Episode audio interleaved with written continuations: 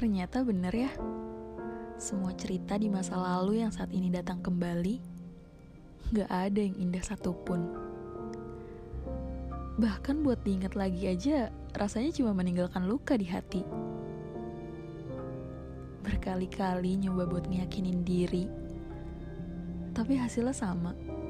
Kecewa selalu datang pertama. Berusaha buat bersikap biasa aja, dibilang jutek.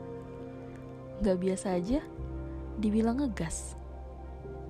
Hidup emang gak pernah ada yang bener. Ya, begitupun berlaku baik sama orang. Gak semua bisa paham kebaikan yang kita beri. Tapi bukan berarti kita nyerah gitu aja. Baik itu istimewa. Tapi kita juga harus lihat siapa orang yang memang pantas untuk kita perlakukan baik. Jangan jadi jahat cuma karena satu orang yang gak bisa ngehargain usaha kamu. Kamu pantas kok dapat apresiasi. Tapi sama orang yang bisa menghargai kamu. Yang paham baiknya kamu. Jangan sedih ya. Pasti banyak kok orang baik di dunia ini. Jadi kamu gak perlu mikirin orang yang emang gak pantas untuk dipikirin.